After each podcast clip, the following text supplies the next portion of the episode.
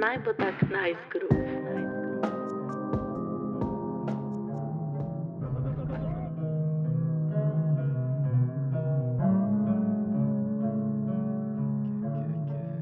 Ojla spet v novi epizodi Glass Balloons podcasta. Današnji gost je Martin Lipovšek, filozof in trenutno na doktorskem študiju raziskuje, pazi to, humanistični pogled na podaljševanje življenja in pa pač tudi neke druge razvijajoče se znanosti, ampak to je nekako njegova osrednja tema, um, ker tudi veliko na tem področju počne in so ustanovili društvo in delajo neke raziskave.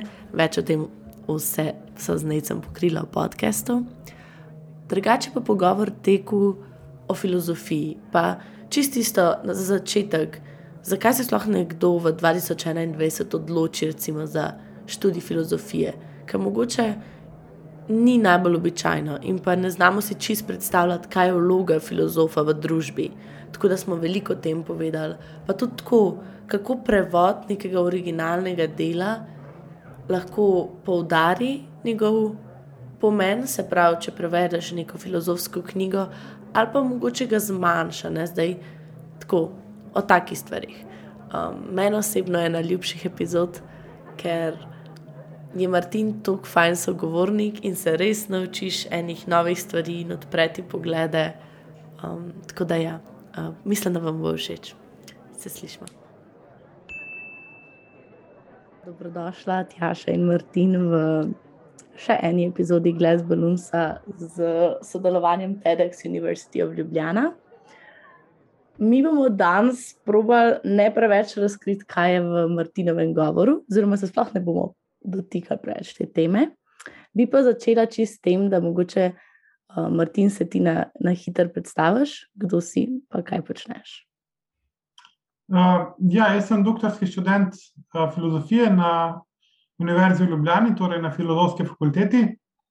Uh, sem tudi predsednik uh, Društva za vitalno podaljševanje življenja Slovenije. In v tem društvu se ukvarjamo, kot ime pove, s podaljševanjem življenja in navezujemo stike z znanstveniki, um, se izobražujemo v tem področju, izvajamo razne projekte in tako naprej. Okay. No, najlepša hvala.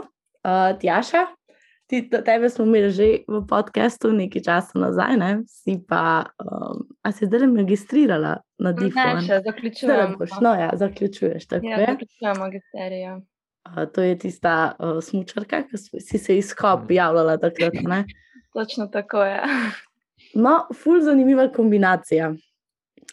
Tjaša pa Martin. Pa me zanima, kako je ta dinamika prvama potekala pri uh, uh, ustvarjanju tega govora. No? Ker Tjaša ti si mentor za Martinu pri um, pr samem govoru. Ja, fino. Um, tako, Tjaša je tudi veliko pripomogla, da, da se je govor izpil, pa vadila sva skupaj, oziroma če bova, um, da je kakšne komentarje, predvsem, kaj sem hitrost govora, da prilagodim iz hitrega govora na počasnejši govor in tako naprej. Um, pa, kaj če reč, no, sej, um, nažalost, pa zaradi korone smo bolj online, no, pa se še nismo že videli. Verjetno na snemanju bo se prvič videla. oh, wow. hm. Ja, še tebe je ta tema že prej zanimala, s tem, eh, s čimer se Martin ukvarja, mogoče filozofija, ali si se prvič srečala tako pobliže z njo. Pač, eh, prvič sem se slišala, ko mi je Martin predstavil, nisem pač še prej vedela, da se sploh s tem kdo tako ukvarja, ampak mi je bila pač ful zanimiva, ko mi je bila pač tako nepoznana. Tako da mi je kar zanimivo, moram reči da nekaj novega slišim. Hm. Pri kreaciji samega govora, Martin. Ja. Hm. Vem, da uh, imaš v bistvu nekako tudi uh, ozadje v teh debatnih krožkih. Um, in ali se ti zdi, da ti je sodelovanje na teh debatnih krožkih kaj tako pripomoglo pri kreaciji nekih govorov? Ja, zelo veliko. Tako da to bi res priporočal uh, debato ko bi rekel, vsem, še posebej mogoče eh, srednješolcem, pa tudi študentom, no, um, ker tam nekako eh, dobiš ta občutek, da lahko govoriš brez kakšne večje treme, mislim, mehna trema je vedno prisotna. Tudi, kar sem je svetovni prvak govoril, um, da ima tremo, preden nastopa. Ampak brez večje treme se pa naučiš nastopati. No. Um, tudi tako, da tvoriš argumente hitro v glavi in tako naprej. Um, in me je to veliko pripomoglo, ne samo pri samem nastopanju, ampak nasplošno pri nekem um, govoru, novih situacijah in tako naprej. Um, pa, kaj sem hotel reči? Uh, skratka, debata uh, tudi. Um, ja, no, uh, skratka, pri teh stvarih, ki sem rekel, no, uh, in je super, da kaj čem reči. Imam sam pozitivno za reči v debati. Uh, si pa prav mednarodno tekmoval, ne? Uh, ja, tudi, tudi... ja. Um, sem šel na evropsko uh, debatno tekmovanje, uh, pa v Turčiji sem bil, pa tako naprej. Skratka, na nekih teh. Um, drugače smo kar močni v Sloveniji, glede debate, tako imamo svetovne prvake, pa nasploh pa evropske. Pa, tako. Tako je kar tak šport, uh, ki je mogoče malo spregledan.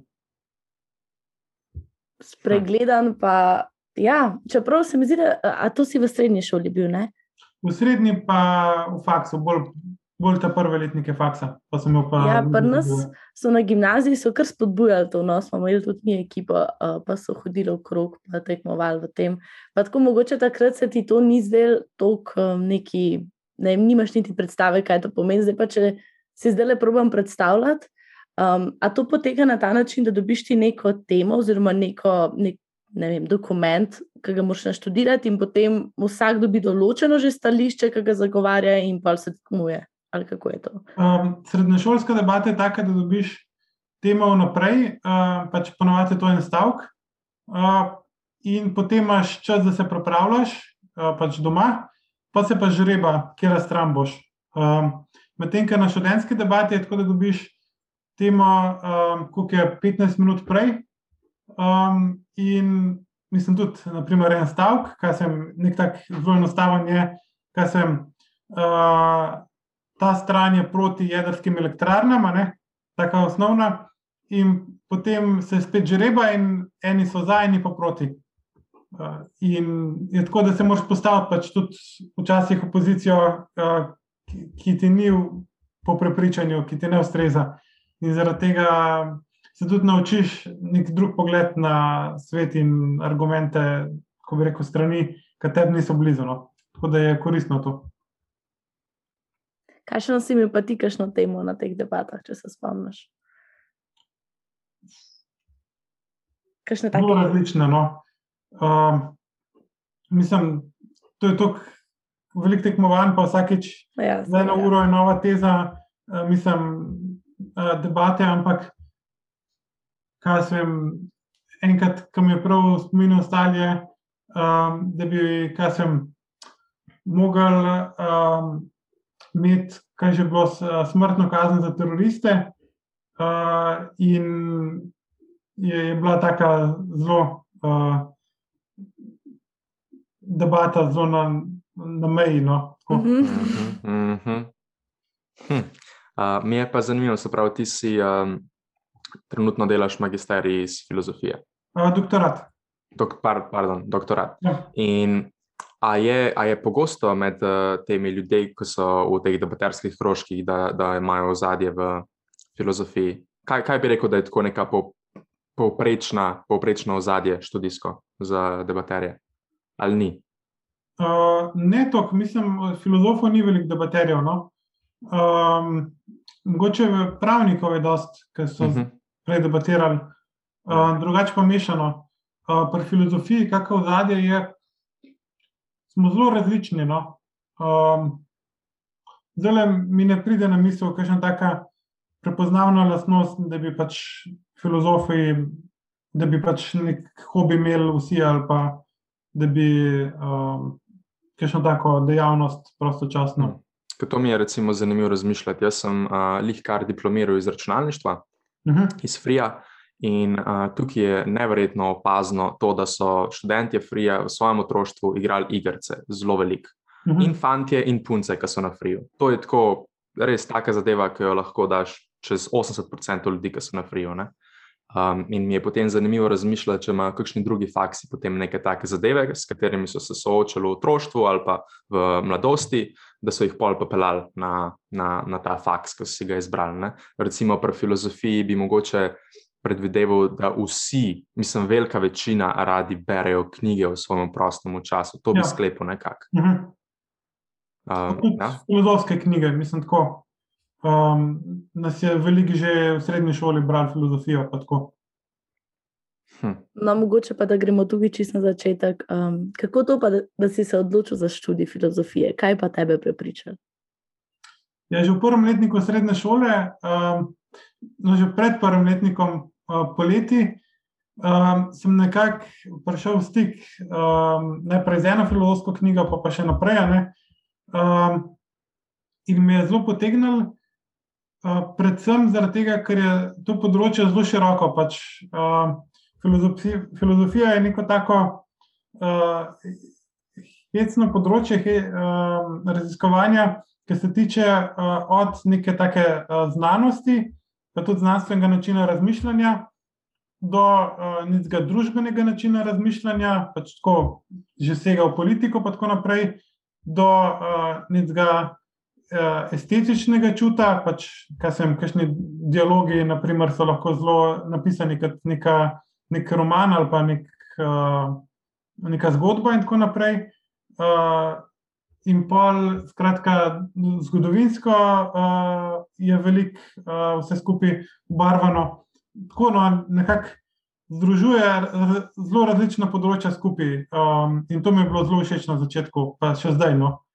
Um, kako je neka taka zadeva, ki v srednji šoli se mi je zdelo vse zanimivo, in nisem hotel se specializirati v kaj specifičnega, ker mi je bilo škoda, pač, da, bi, da ne bi ostalih stvari vedel. In pa sem najdel filozofijo, ki pa dejansko je zelo široka in pokriva večino stvari. In tudi zanimivo, pri študiju filozofije se dejansko uporabljali. Um, zelo veliko stvari, ki smo se jih v srednji šoli učili. Ne? Od matematike, rabaš, ki je pač tak način razmišljanja, pri mnogih filozofskih smerih, če pač čist logičen, od ene premise um, do sklepa in tako naprej. Skratka, čist mat matematičen način do zgodovine. Teoreti teoretičen matematičen način. Ja, ja. ja. Zgodovine, pa imaš po drugi strani jezikoslovja, naprimer, vse to v slovenščini, ki je treba vedeti um, glagoli, samostalniki in vse to, to pri celi veji filozofije, prav pride. Um, potem pa do drugih področji, ki tudi uh, tako. Skratka, kaj sem fizike, kemije, vse to se pa da na višjih stopnjah filozofije nekako vključevati. Uh -huh. uh, na začetku si rekel, da te je spravo prvo ena knjiga, potem pa še več uh -huh. drugih knjig, a ne ja. popeljali recimo v ta svet filozofije. Kaj je bila ta prva, prva knjiga? Um, ja, prva knjiga je tako um, no. generična, no, ta Zofijin svet. Ja, sem vedno. ja. okay. ja. Ampak pa sem pa najdel eno zelo dobro, tudi, um, ki je tudi učbenik no, za srednje šole, uh, Palmer ali središče drži. Tako bolj debela, ampak res tak film pregled čez vsa področja. Hm. Uh, tako no, predvsem je pri filozofiji fajn, če te uh, en tekst ali pa eno vprašanje pa res potegne, da začneš premišljati um, o tem, sam veliko. No?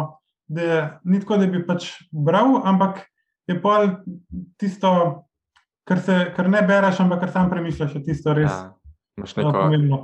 interna diskusija sam s sabo. Mhm. Mhm.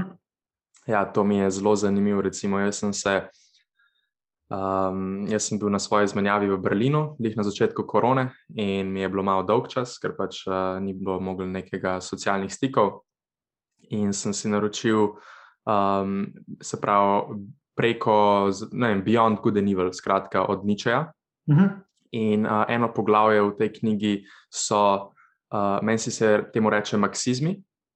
Uh, torej, zelo, ponovadi je en stavek ali pa dva stavka, ko neko misel držita, in potem lahko ti v tem enem stavku razmišljaš tok, ker ima ene sedem različnih um, načinov, kako lahko ti to interpretiraš. Um, in uh, je zelo zabavno. No? potem z nekom, recimo, se tako občajo pogovarjati o tem, kaj bi lahko to pomenilo, in pol poskušati nekako aplicirati to na svoje življenje, kar večinoma vedno lahko. Um, mi, je, mi je zelo zanimivo med te interne monologe. No? Um, pa nasplošno tako neko diskusijo med nekom. Sem jaz, zato sem tudi takrat uh, sva zalo nekako se odločila za podcast.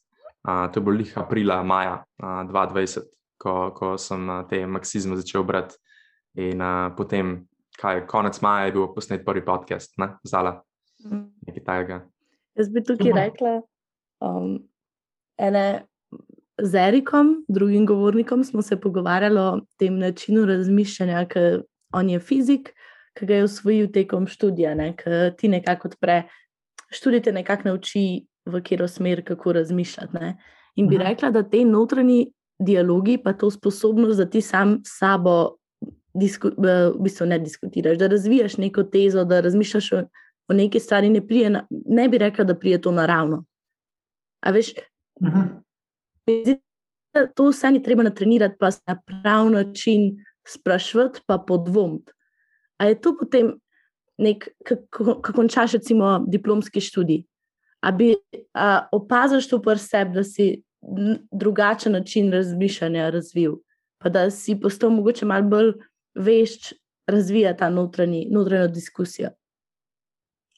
Um, ja, jaz bi rekel, da je to ključno, um, da, da imaš to notranjo diskusijo in tudi to, da pišeš. Ker dejansko jaz pri sebi pač opažam, pa verjetno nisem edini, da na drugačen način razmišljam, ker pač samo razmišljam, naprimer, ali pa se sprehajam, pa razmišljam, kot takrat, ko pišem um, je nek drugačen način razmišljanja. In tudi um, veliko se mi je zgodilo, da takrat, ko sem pisal, sem bolj dosegel neke um, korake ali pa preboje naprej.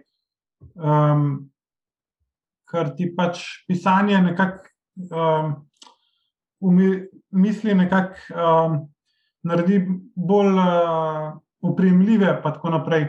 Uh, in lahko lažje iz ene točke priješ do druge, ker si vmes pišeš. Um, zdaj, to sem dejansko že kar nekaj časa počel, tudi če pridem, mislim, že v srednji šoli, pa tako naprej. Um, sem si veliko pisal, pa premišljal. Uh, tako da, pri dodiplomskem študiju dejansko sem dobil bolj neko tak panoramski pogled no, na, na različna vprašanja, da sem se nekako. Um, malo bolj razgledal okolje in pač videl, koliko je različnih stvari, ki jih mogoče, kaj sem še ne vem, pa neke čist druge ideje, drugi načini tudi dojemanja sveta in tako naprej. Pa pa v magistrskem študiju sem pa, tako kot je tudi nekako um, premišljeno, ne, da je, sem pa bolj fokusiral um, to, kar sem že tako. Po koncu uh, diplome odkril, da pač me res zanima, Um, in sem pa, kaj sem, tudi večino seminarskih naredil na svojo temo, in tako naprej, um, in iskal neke nianse in argumente različne, in tako naprej. Hm. Torej, ti si se v, na, magi, na magistrskem nivoju, se vi že specializirate, ali kako gre to na filozofiji? Um, ja, približno se specializiramo, pač tako, um, okvirno. Naprimer, um, eni so, se bolj najdejo v kakšnih kontinentalnih smerih, drugi se bolj najdejo v analitičnih smerih. Um, to pomeni, kontinentalne, najbolj širše vzete so pač avtori iz Evrope, analitične so bolj avtori iz angloameriškega sveta. Um, razlika pa je tudi v tem, da pač analitični so bolj um, avtori, ki se uh, ukvarjajo z logiko, z, predstav, z logično predstavitvijo argumentov v smislu te pač formalne uh, logike, um, ja sem, stavčne logike in tako naprej. Um, pa za epistemologijo, to pomeni vedo o, o tem, kako vemo, skratka o, o spoznanju, o pravilnem spoznanju.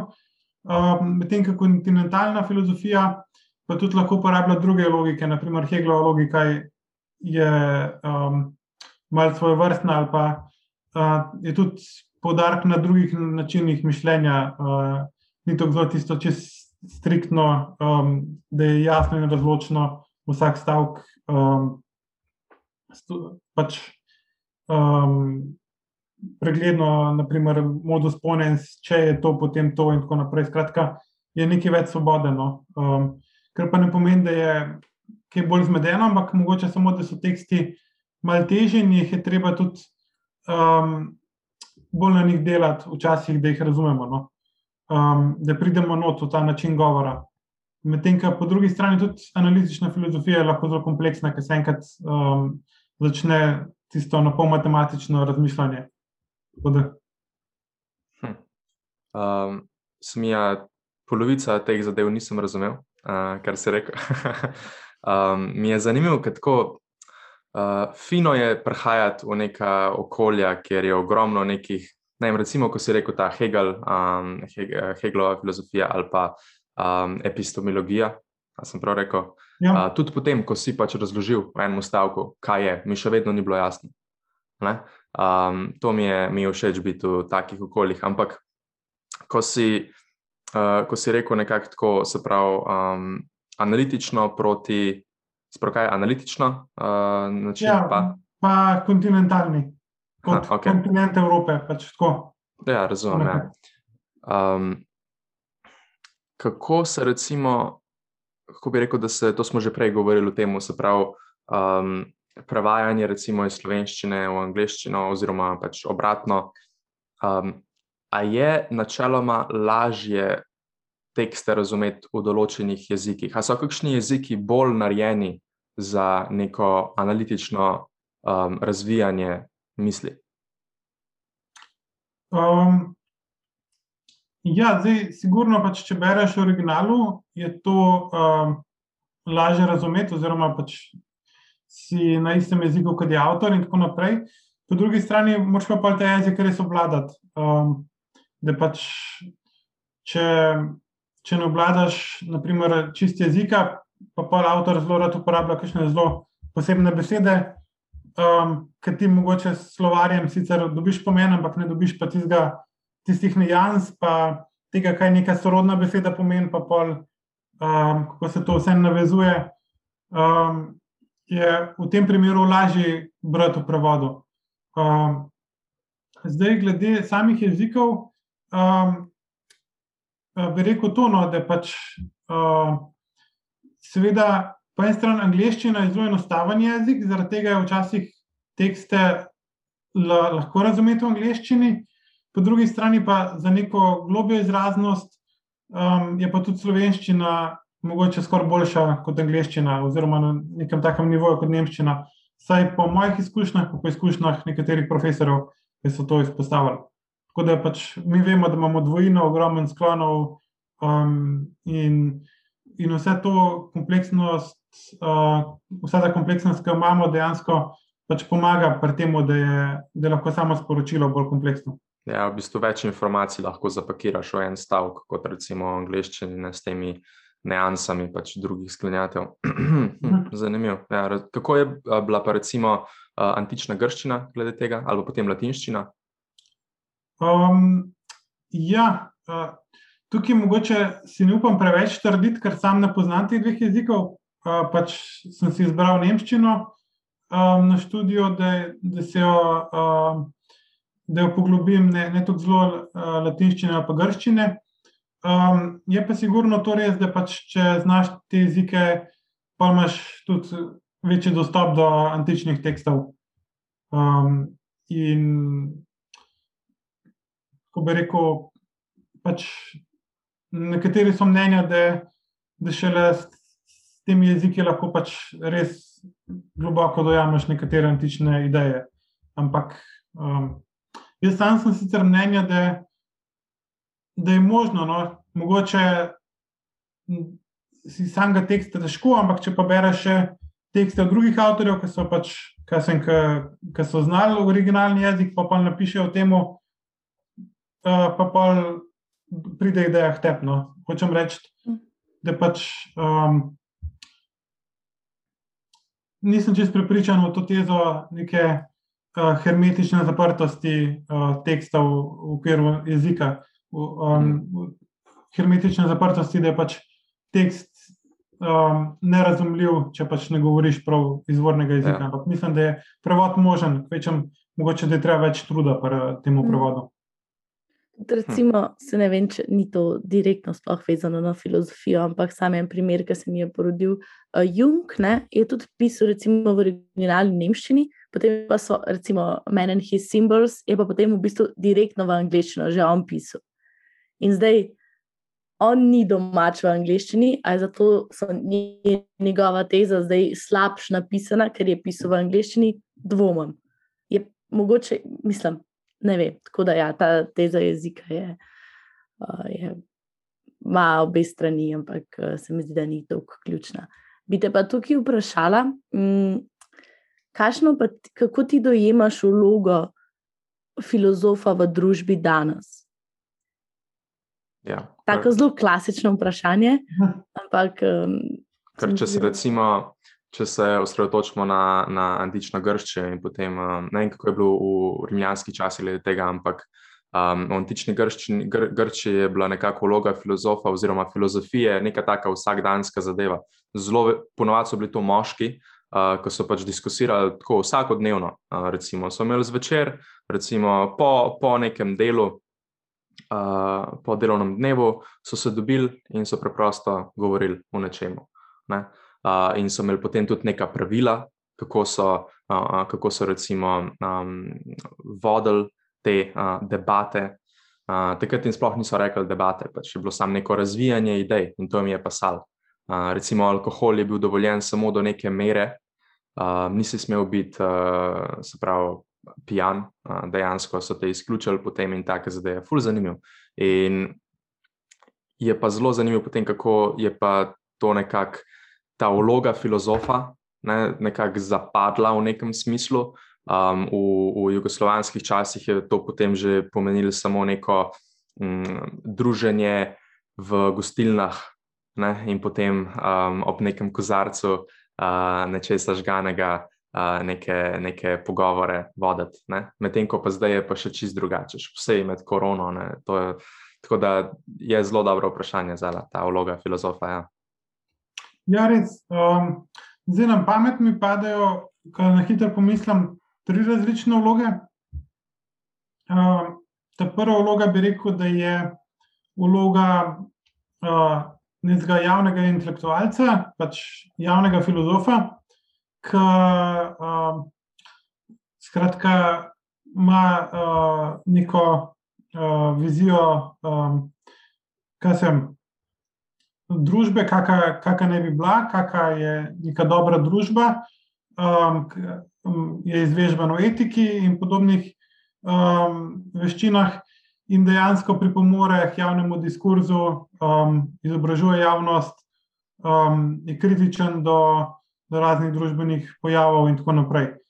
Um, potem druga vloga, ki vidno filozofa, je neke vrste um, akademik, nek, lahko bi rekel, tradicionalno nek modrec, ki pač pozna zgodovino um, in predvsem hrani neka vprašanja, ki so lahko velikrat bolj pomembna od odgovorov. Skratka, da ti um, poznaš neka vprašanja in ta vprašanja nekako. Um, držijo odprto neko polje uh, spraševanja. Skratka, um, ker vprašanje je lahko velikrat tisto, kar spodbudi sploh neko novo razmišljanje, pa neko novo um, znanstvenega um, raziskovanja in tako naprej.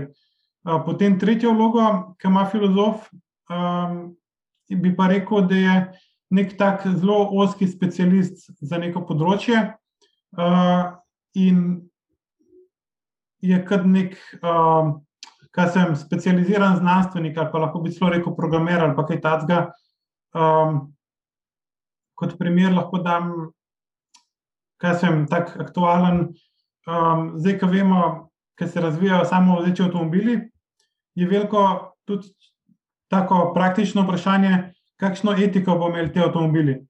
Mhm. In je treba zdaj uh, ne samo naštudirati kakšna ne bi bila etika v širšem pomenu, ampak tudi pač to etiko um, zelo osko formalizirati, jo spraviti v tak jezik, ki se jo da razumeti, uh, ne samo za ljudi, ampak tudi za stroje, in to potem uh, spraviti, uh, da se bojo upoštevali, da bo stroj lahko upošteval. Skratka, um, to je lahko na začetku zelo široko, pa če se ukvarjaš z etiko, pa zelo osko, da se ukvarjaš z neko um, etiko, ki je že naprav programiranje in tako naprej. Skratka, hočem reči, pa to ni edino področje, ampak da so filozofi lahko tudi čistaki um, strokovnjaki, um, ki to neki znanostih ali pa neki kemik, ki se ukvarja z, kaj sem, silicijevimi kristali, pa, so, pa je to zelo specifično področje, pa se res fokusira samo to, pa pozna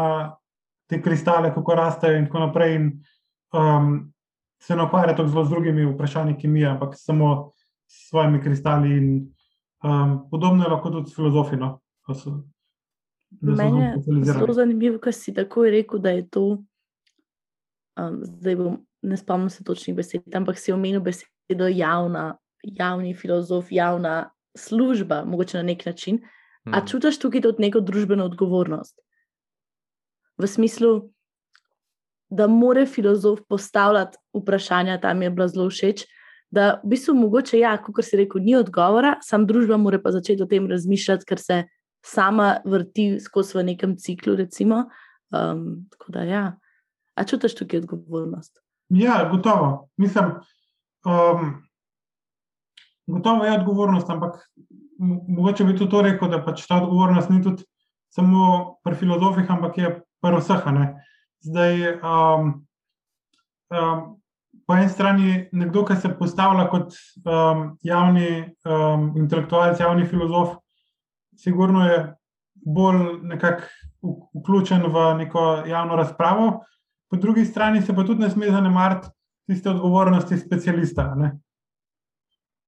Nek specialist, pa ne filozof, ali pa tudi kakšen drug specialist, je obvezan, da, da tudi dela etično. Skratka, tudi če si ti nek kemik, še vedno moraš presojati, kar delaš iz etične perspektive. Naprimer, očitno je, če si jedrski kemik, pa če se ukvarjaš z bogatenjem urana, ampak tudi če si nek drug kemik, um, ni nujno, da se vse, kar delaš, da je čist um, vrednostno neutralno. Pač hitro lahko pridemo do tega, da, pač, da imajo dejanja posledice in tako naprej.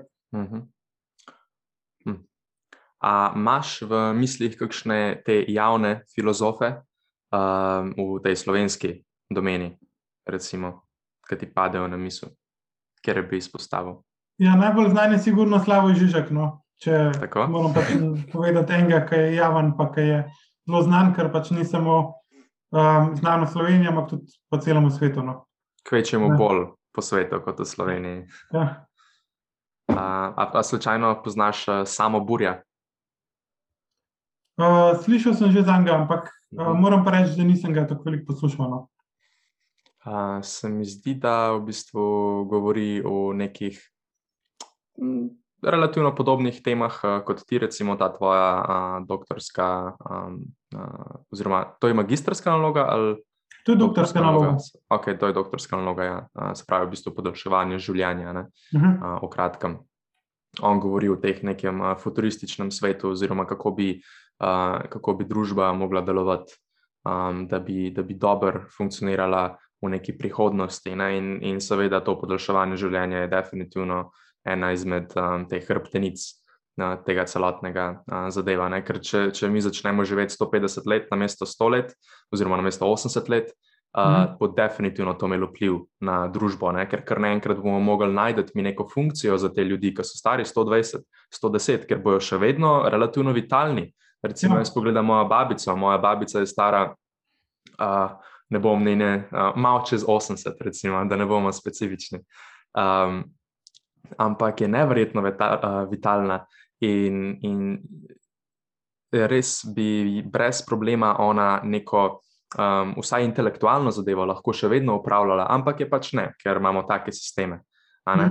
Um, in se mi zdi, da je to tudi ena izmed teh zadev, ko, ko bi definitivno vse spremenila, oziroma se bo mogla spremeniti. Ne? In tukaj jaz vidim, kot da je to neka Mm, neko področje filozofov, tudi, da, da o tem nekako razmišljajo že vnaprej. Ja.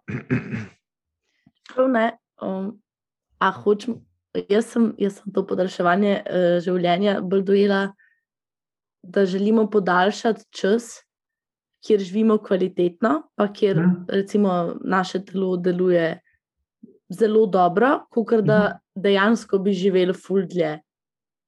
Ja, to je cilj, da pač naše telo je čim bolj mladostno, pa tudi čim dalje živimo. Skratka, uh, v, sem se pogovarjal že z velikimi znanstveniki, ki delajo na podaljševanju življenja, in uh, noben je rekel, da si želi, kaj sem, biti če 50 let v posli ležati, pa biti čez bogi in tako naprej.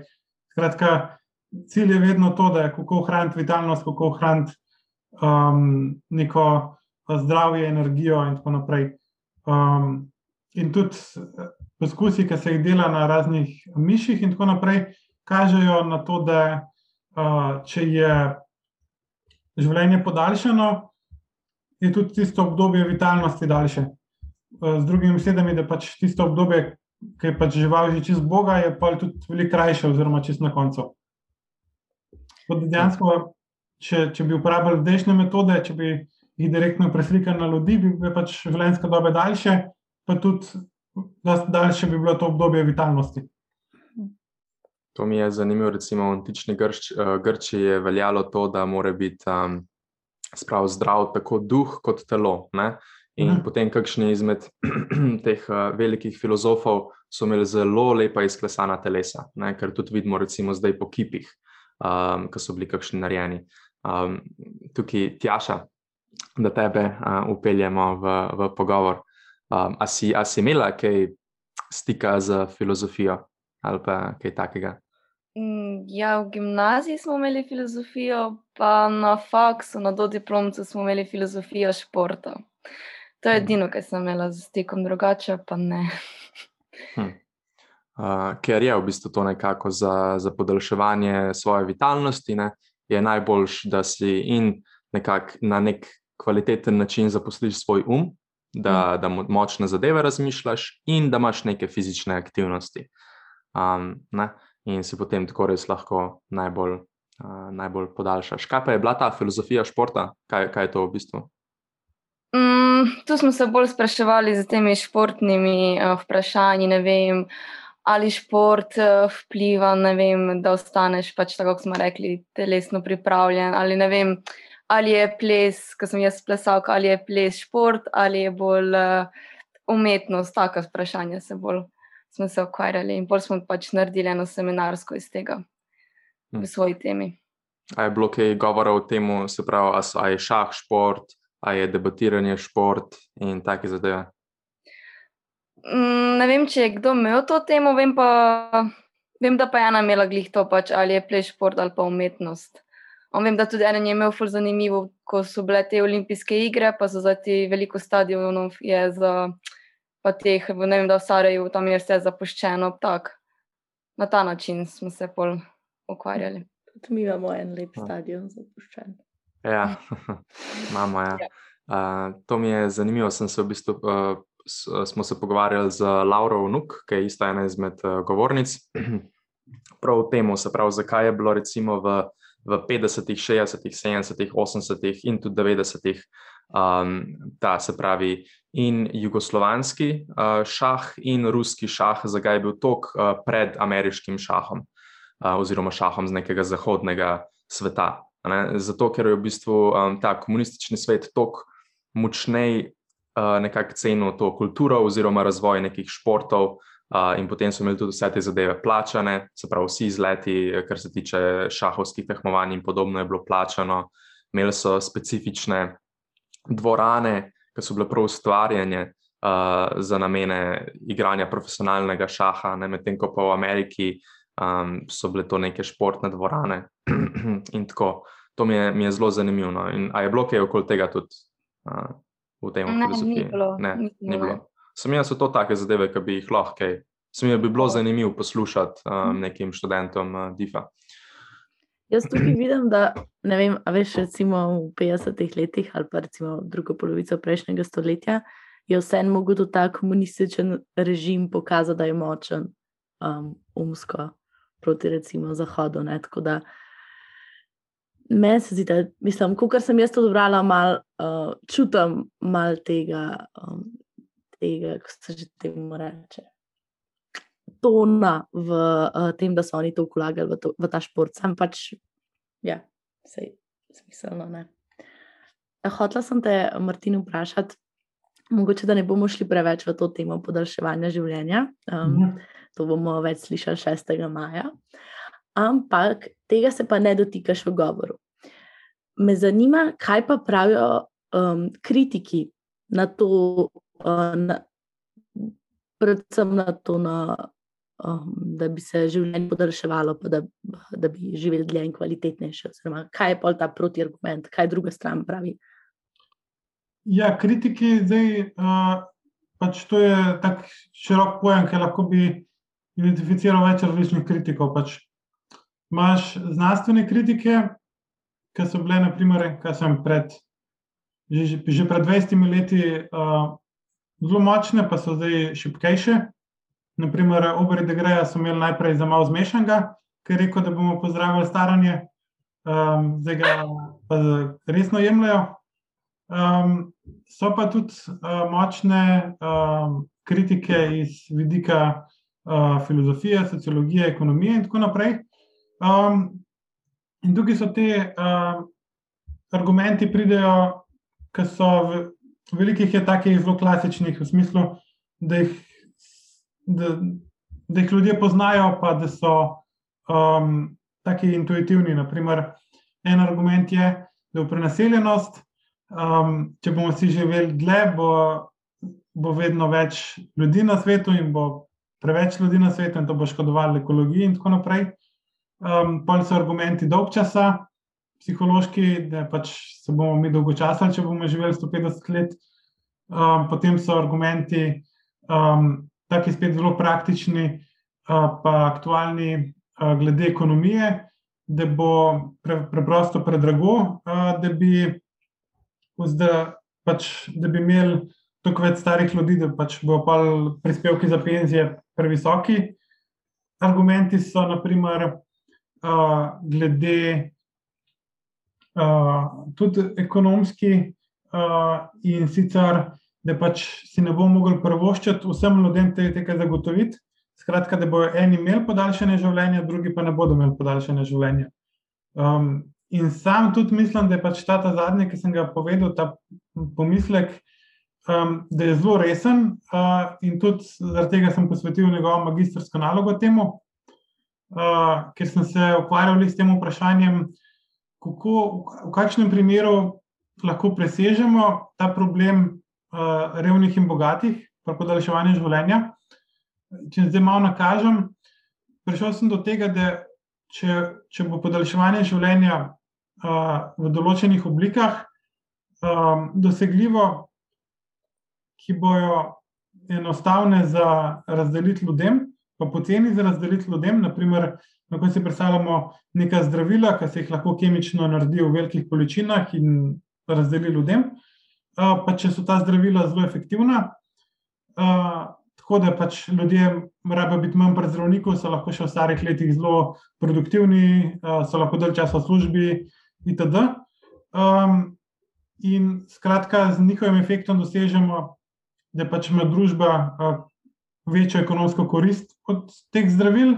Naprimer, ker so ljudje dalj časa v službi, se pobere več davkov, tudi ker so že v penziji, um, lahko na mestu, da so oni v domih za ostarele, lahko oni čuvajo vnuke, pa pa ni treba vrca plačevati. Um, so koristni v kakšnih um, društvih, organizacijah, um, družbeno koristnih aktivnostih in tako naprej. Um, ker vse to se dejansko uh, cena za državo, da razdeli ta zdravila pred podaljševanjem življenja, je pol manjša ali pa enaka ceni, ki smo v narekovajih profitu, če se tako izrazim, ki ga pač dobijo od teh intervencij.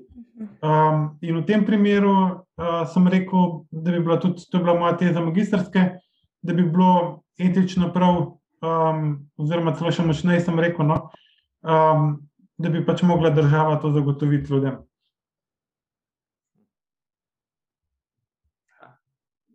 Hmm, ok, ta elitizem. To so pa prav ti futuristični filmi, ki pa um, bogati imajo tiste tabletke, ki pa dlje časa živijo. In, hmm. Ja, to je res uh, ja, velik problem. Ja. Ka, ampak jaz mislim, da ni nerešljiv, pa tudi ni sam problem podaljševanja življenja, ampak je v bistvu prihodnost ali pa tehnologija na splošno. No. Tudi druge tehnologije, naprimer, kaj se jim. Um, na, na, že konec koncev računalniki, pametni telefoni, zdaj niso dostopni vsem ljudem po svetu enako. Pač tukaj na zahodu jih imamo, ki je v nerazvitih državah, jih pa nimajo, jih na pretekno, kot imamo tukaj.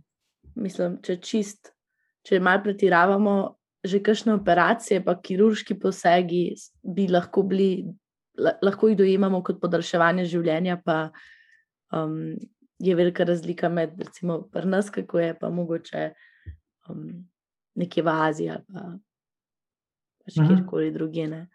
Ja, mislim, že samo če ti gledaš neke, uh, se pravi, neka cena zdravljenja. Ne?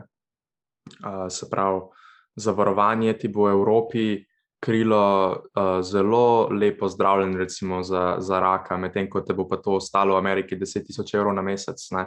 Ko si nek povprečen, povprečna oseba ne more prvoščati. Um, v Evropi imaš pa večinoma take zadeve zelo pogosto pač pokrite strani svojega zavarovanja. Ne? uh, že tukaj je neka velika, uh, velika razlika. Um, mi je pa ena izmed zadev, ki, se, ki se nekako navezuje na, na ta pogovor, pa smo se ne, pogovarjali o eni izmed zadnjih dveh epizod, ki, so, ki smo jih posneli tukaj. Um, je bilo to, se pravi, določeni poklici oziroma določene um, te specializacije so bolj primerne za ljudi v določeni starosti oziroma ljudje določene starosti. Se pravi, neki močni fizični pravi, ja, izračuni za fiziko, neko programersko razmišljanje, neko močna analitika. Tukaj je recimo pozna najstniška leta. Pa 20 leta, pa mogoče začetna 30 leta, so, naj, so optimalna, načeloma, za to. Um, potem, kakšne, uh, kakšne branže, kot je zoologija, um, kjer imaš ti, rabiš ogromno neke memorizacije, neko res široko znanje o nekem delu uh, živalskega uh, kraljestva. Um, je pa potem zelo primerno za ljudi, ki so 40-50 let stari ali pa še pozneje. Tudi, če gledaš, recimo, Nobelove, Nobelove nagrade, ki so bile uh, dobljene na teh področjih, se točno vidi razlika v letih. Um, in me zanima, um, prvo, kako ti vidiš tukaj filozofijo, Uh, Ker moje mnenje je, da v bistvu določena starost ti omogoča določen pogled na filozofijo, nekak, uh, in tudi potem drugo vprašanje, kje je mogoče neke nove, nove branže, specializacije ali pa kaj bi bile primerne za ljudi, potem, ko so še vedno nekako vitalni, ampak so stari sto let, recimo, pa imajo čist drugačen pogled na svet. Ja, pri filozofiji bi jaz rekel, da je kar aktualna skozi celo življenje. Pač, kaj sem, če um, prevzamem to, da pač je človek, um, ki je mlajši, trenutno uh, je bolj lahko nekako analitičen, pa neko fokusiran, medtem ko je starejši, da ima večji pregled, ampak to je res zelo okvirno, vse skupaj. Ampak, naprimer tudi, če to prevzamem, lahko rečem, da pač pri filozofiji vključuje oboje. Ne? Lahko si ti zelo fokusirano deluješ, ampak pa um, si pa lahko aktualen filozof tudi pri 90-ih, ker pač imaš tudi že toliko izkušenj um, in toliko znanja nakopičenega in pol tiste zelo široke um, sklepe lahko lažje vidiš, ker pač imaš toliko življenjskih izkušenj. In uh, s tem, če bomo živeli oziroma ko bomo živeli dalj časa, bo ta vloga filozofije lahko še močnejša. Pač si predstavljamo nekoga, ki pač ima 90 let življenjskih izkušenj, pa iz njih vleče neke uh, modre sklepe, pa nekoga, ki je star, kaj sem 140 let, pa vleče neke opažanja, ki jih je v svojih 140 letih. 140 letih um, ugotovil, pač so lahko te še bolj globoke.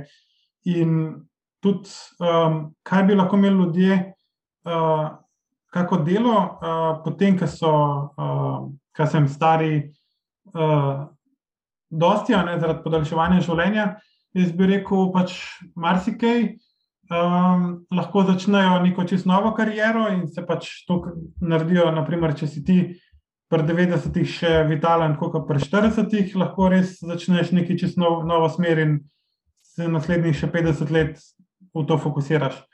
Po drugi strani lahko pa konec koncev nadaljuješ to, kar si delal. Naprimer, lahko si predstavljamo zdaj neke um, ljudi, ki so marsikaj odkrili, naprimer nek tak klasičen primer Einsteina. Ne? Če bi on živel 150 let, kaj se bi še odkril. Um, verjetno še marsikaj no, zanimivega. Da, Spet ta ekonomski vidik bi, bilo, v bistvu, bi se bolj splačalo, ne? če bi še malo dlje časa živel. Ja, tudi raziskava je bila nedavno tega, um, kaj že iz Harvarda je, pa, ali Oxforda, drug pa še en tretji. Skratka, so prav delali raziskavo ekonomsko in so ugotovili, da je pač če podaljšaš um, življenjsko dobo pač populacije za eno leto, dobiš tako nekaj pač na svetu ali v Ameriki. Mogoče bi pogledal, no, točno, ker sem bolj na hitro preletel, mm ampak mhm. dobiš ene ogromne zneske. V, um, skratka, ne samo milijardah, ampak uh, v bilijonih uh, dolarjev. Skratka. Se pravi, če celi populaciji, če bi podaljšali ja. življenje. Mm. Tako, eh, da dejansko pač je en ogromen um, ekonomski um, pridobitek. Če, skratka, če ekonomija pridobi, če, če se podaljša zdravo, mislim, pa, mislim, da je bil podarek tudi na zdravem življenju, ampak če se zdravo življenje po populaciji poveča, je to ekonomsko izjemno uh, koristno. No. Hmm. Jaz sem se zdaj tako spomnila na, uh, zdaj pa da ne bom Mislim, da se v govoru ne dotikaš Alzheimerjeve bolezni. Okay, ja, omenjam. Ok, pa, pa me ustav, pa ne odgovoriti na vprašanje, če preveč. Ampak um, meni je to fuz zanimivo, ker moja baba je imela Alzheimerjevo bolezen. In hm, kako naj to rečem?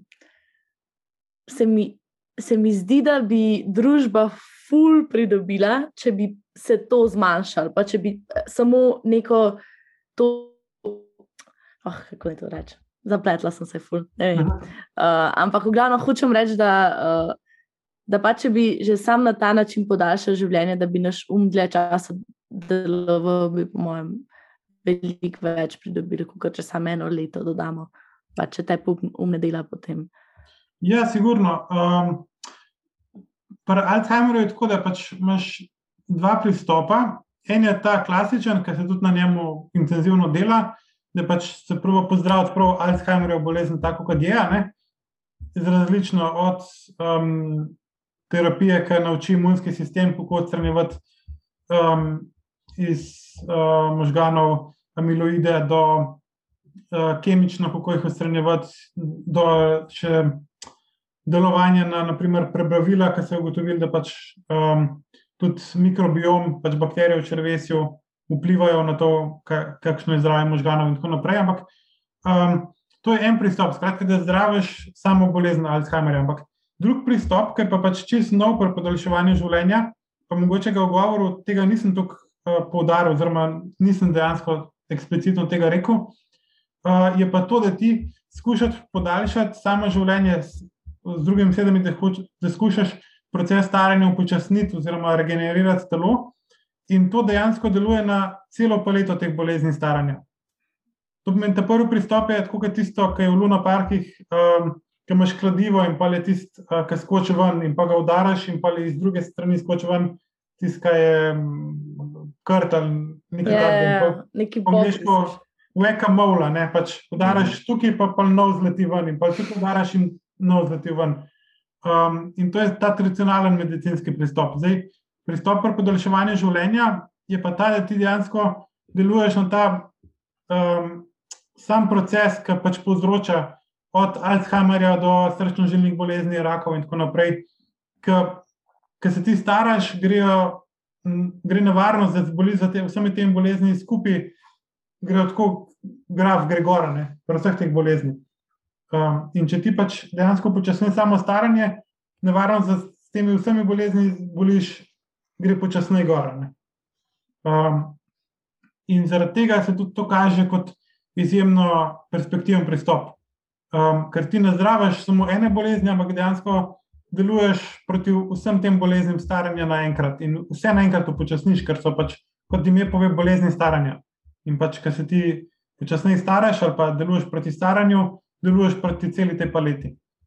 In to, kar še znanstveniki um, iz tega področja pišejo, kako pač so nekako, um, ko bi rekel, iz sebe, da pač medicina tako veliko sredstev daje v zdravljenje posameznih bolezni, ampak tako malo, če se tako izrazim, pa daje v to, da bi pač efektivno imeli konkretne zadeve, kako počasniti proces staranja.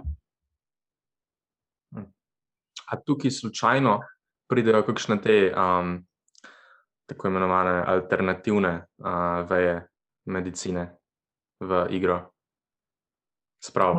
Na prvo žogo ne, ampak kaj, kaj, kaj je mišljeno z alternativnimi? Ja, ne vem, jaz specifično ne vem uh, veliko o tem, ampak sem jaz v zadnjem času. Uh, Veliko pažati. Ja, se pravi, osteopatija um, in vse te podobne, podobne zadeve. Ne? Ko, ko ne bi, recimo, spravo, ali, ali ima nek močen placebo učinek na to, da se oseba preprosto boljš počuti, uh,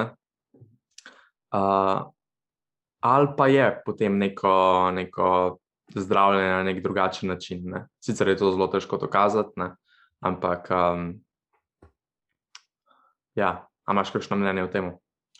Ja, moje mnenje je tukaj kar zelo jasno, da sem pač, um, ko bi rekel, proti temu, da bi se v podaljševanje življenja dajal um, alternativno medicino. Um, in to pa zaradi tega, ker pač je tukaj uh, pri podaljševanju življenja uh, zelo pomembno, da smo posebno znanstveni, ker pač neznanstveni načini podaljševanja življenja so se nekako dogajali že celo zgodovino. Tudi mm. tiste kače olje, pa snake oil in tako naprej, da ti da neko večno življenje, če, če ga spijaš. Pač tega je bilo zelo veliko v zgodovini in, in je še ne, prisotno. In pač podaljševanje življenja, uh, kot ga jaz razumem, pa skupnost, v kateri se gibam, je, da pač to velja, kar je potrjeno z poskusi in kar je potrjeno s kliničnimi študijami. Um, po možnosti dvojno slepimi in preverjenimi te, na stopni tri. To pomeni na velikem številu prebivalstva, uh, mislim na velikem številu ljudi, preverjeno slepo. To pomeni, da eni dobijo placebo, drugi dobijo učinkovino, noben ne ve, kaj je dobil, in pa se gleda rezultate, um, in se torej odšteje ta placebo. Pomeni, da, mhm. um, skratka, da so rezultati res znanstveno potrjeni. No. Te, ja. Kaj pa pomeni dvojno slepe študije? Nisem se še nikoli srečala. To pomeni to, da pač ne veš, da en dobi tableto, pa ne ve, ali je to placebo ali je to učinkovino. Okay. Um, in pa, skratka, da pač šele na koncu tisti raziskovalci, ki imajo informacije, pa vejo, kdo je dobil kaj in pa tudi statistično to obdelajo. Da ne bi mogel reči, da je pa dobil tableto, ampak mogoče pa je bil placebo tisti, ki je deloval. Ne? Ker je že zaradi samega dejstva, da je pač pojedel neko tableto. Um, je pač un ne ve, dobi belo tableto, pa ne ve, ali je učinkovina noter ali ne. No, in tu sem hotel reči, no, da pač ni nujno, da vse, kar alternativna medicina dela, pač, če res vzamem najbolj širši ta izraz alternativno medicino, da je neučinkovito. Naprimer, en prijatelj, ugleden, pač pomemben in ugleden znanstvenik, mi je povedal, da so odkrili. Da von silke, naprimer, pomaga pri bolnikih Alzheimerjeve bolezni, pač, da so simptomi pač nižji, očitno jim spodbudi neke centre v možganjih, da so bolj aktivni in tako naprej. Skratka, pa bi lahko nekdo na prvo žogo reče, da se je aromaterapija, to pa pač ni znanstveno. Ampak je zanimivo, da ene stvari, da očitno pomagajo ljudem. Um, tako čist, da so dokazali, da pač ta von ljudem pomaga. Ampak um, kar je pa pač ključno, da so to ugotovili na znanstven način. No? Da niso rekli, da je anekdotično, mm. moja soseda je pa pač zdaj se pa vsega spomnila, ampak so to resno preverili. Ja, ni tako alkemistično. Ja. Sej pa, um, mislim, jaz sem še mal tega, tega doktorja Davida Sinklerja, če se uh -huh. tako izgovori, raziskovati. In on uh, lepo reče, da pač gre dejansko za um, poseg naše, uh, v naše telo, ne podaljševanje življenja in pomlajevanje teh proteinov, oziroma da jih drugače uh, tvori. Pa zdaj, uh, mogoče je to preveč specifično vprašanje, ampak mene samo zanima. Uh, hipotetično, da, moj, da jaz vzamem nekaj, kar sem, pa sem pač moja ta biološka starost, kako se reče, da se pomladim. A to mhm. pomeni, da bi se dejansko um, neka način, kako se te proteini v meni ustvarjajo, da bi se spremenil, ali kako to deluje? Mislim, telo je zelo kompleksno in mehanizmov staranja je več, in je težko reči, mislim, sigurno se telo nekako spremeni, če se biološko pomladi, ampak mm. zdaj pa, kako točno pa kjer mehanizem, oziroma kjer vse mehanizmi so pri tem prisotni, pač ni tako lahko reči. No. Uh, je pa nasploh to, da se biološko pomladiš, pomeni, da imaš pač manjšo nevarnost za, za konc življenja. To pomeni, če si ti star biološko 80, pomeni, da imaš statistično zelo veliko možnost, da naprimer, naslednje leto ne boš več živa. Ne. Če si pa biološko star 20, pa pomeni, da ima statistično zelo veliko možnost, da bo živel vsaj še 60 let statistično. Um, tako da zaradi tega, naprimer, nekdo, ki zelo veliko kadi, ki zelo veliko pije in tako naprej, um, ima biološko starost višjo, uh, ker je pač njegovo telo biološko v takem stanju, da so pač organi že manj funkcionalni, pljuča so že bolj obremenjena, večja nevarnost za rakanje. Biološko starejši, medtem ko nekdo, ki se pazi, je pa biološko lahko mlajši od svojih let. So to neki taki relativno preproste študije, da si lahko ti sam, mislim, da si pri, uh, pri doktorjih izmeriš svojo biološko starost tako precej močno? Uh, ja, biološko starost je možno meriti. Um, zdaj, ena varianta je, da si omer um, genski zapis, skratka, to imenovano epigenetsko uro. Ne vem, če bi zdaj kompliciral, ampak pač iz genskega zapisa se da tudi da, tudi da videti biološko starost ker genski zapis je nekako um, na njega vpliva način življenja, pač predvsem na samo izražanje genov, uh -huh. uh, kako so geni um, nekako zaznamovani uh, z, z načinom življenja in tako naprej in starostjo, in se to da prebrati. Drug način zmer, za zmeriti biološko starost je iz krvi. Uh, to lahko rečem, naše društvo pripravlja en večji projekt, ker bo pač se dal, da je enostavno, pač daš en mehen vzorec krvi. Um, pa če bo lahko kdorkoli sodeloval, pa se bo dal ugotoviti biološko starost iz tega.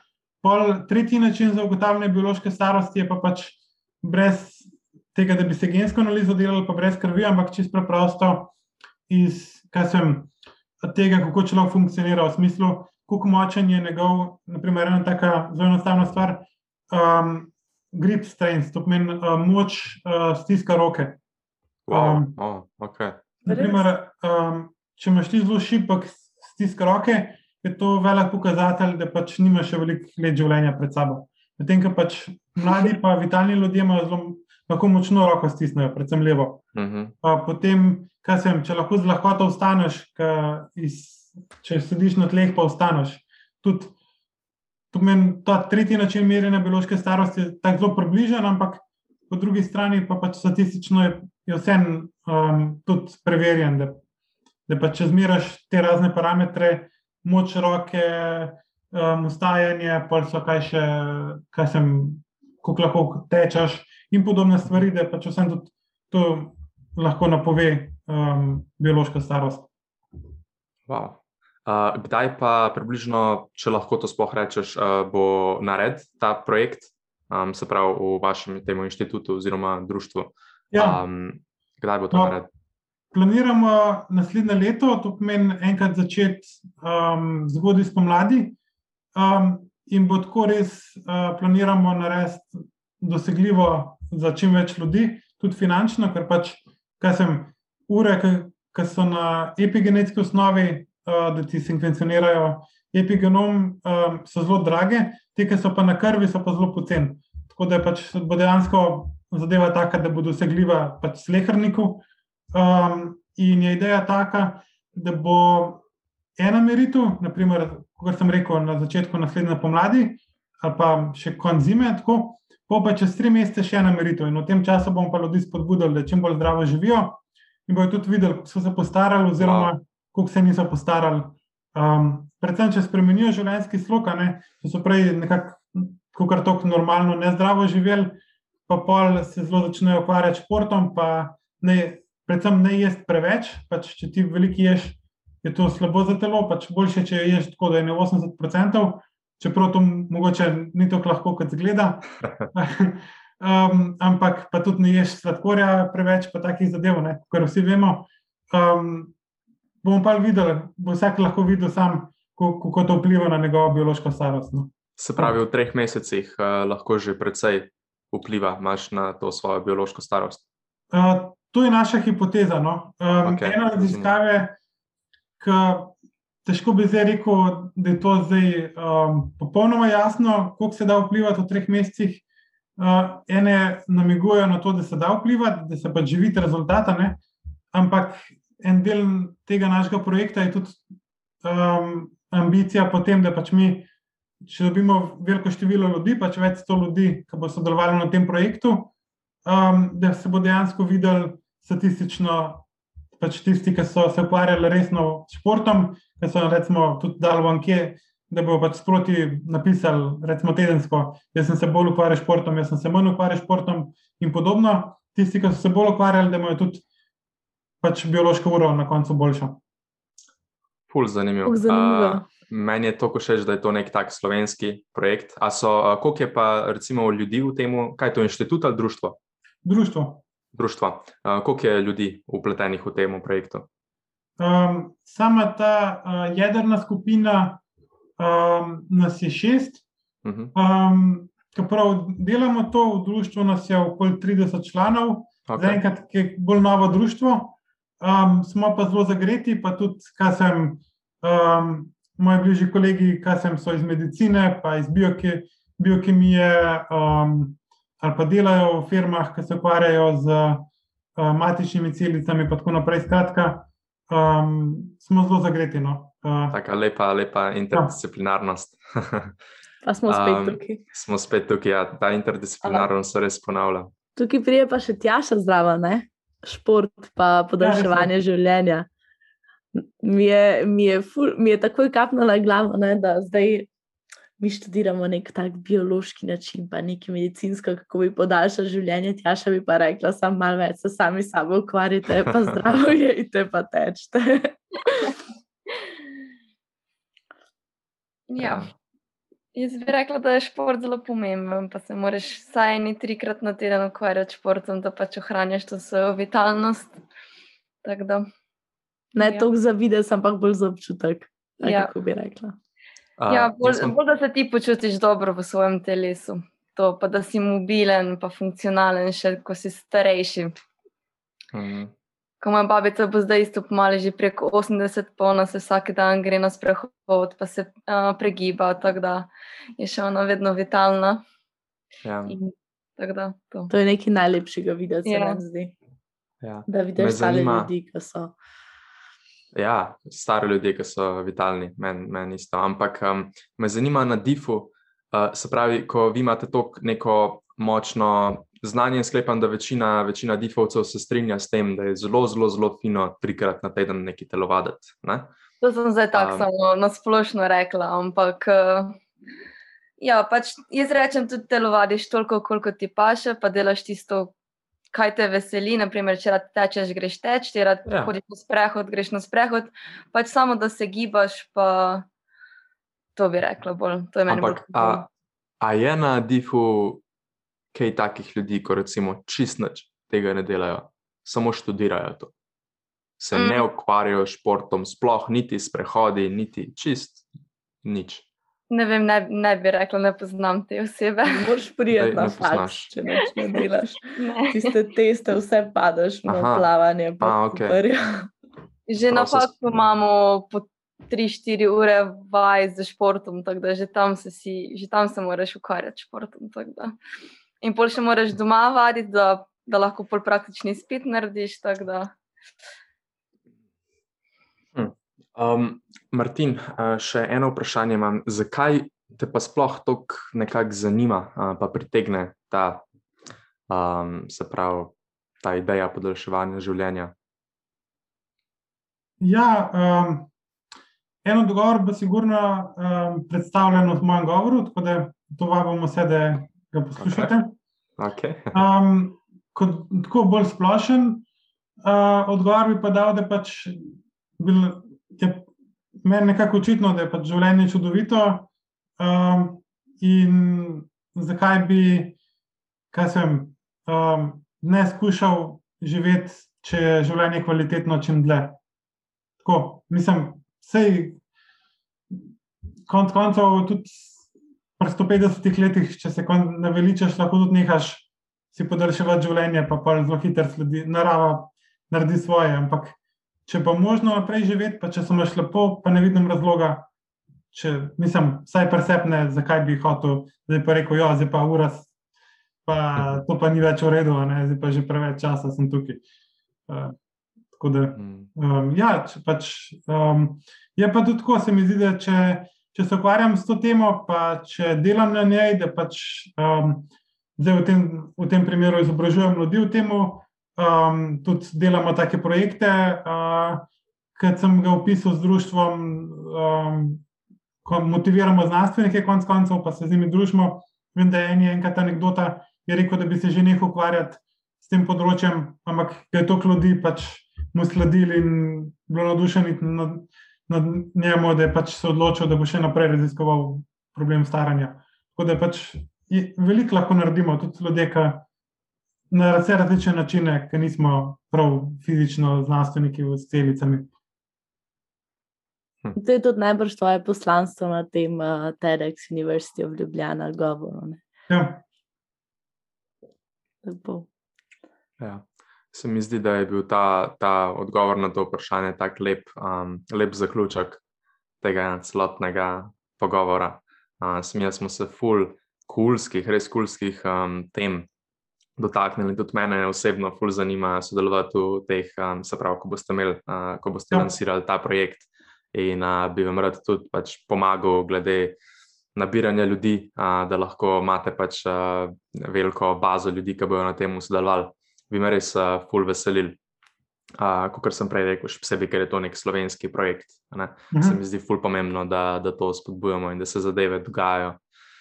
Um, tako da, ja, um, bi se rad zahvalil vama obema uh, za ta pogovor, fulje bilo kulno. Cool, ja, hvala, Nec, hvala za pa hvala tudi Jaša. Martin, za, imaš tako za čist zaključek? Ja. Kaj so tako, če pozabiš na, to, na, na neko mehansko podaljševanje življenja? Uh mhm. -huh. Se mi zdiš res tako optimističen človek in uh, poln življenja. Tako tri sestavine, ki bi rekel, da naredijo življenje tako. Res fajn. Da gledaš na življenje iz pozitivnega vidika, um, da ustrajaš, tudi življenje je marsikdaj težko, in tako naprej. In, um, je treba, je fajn ustrajati, pa iti čez neke težavne, težavne dele življenja. Um, ker je pa lepši in boljši.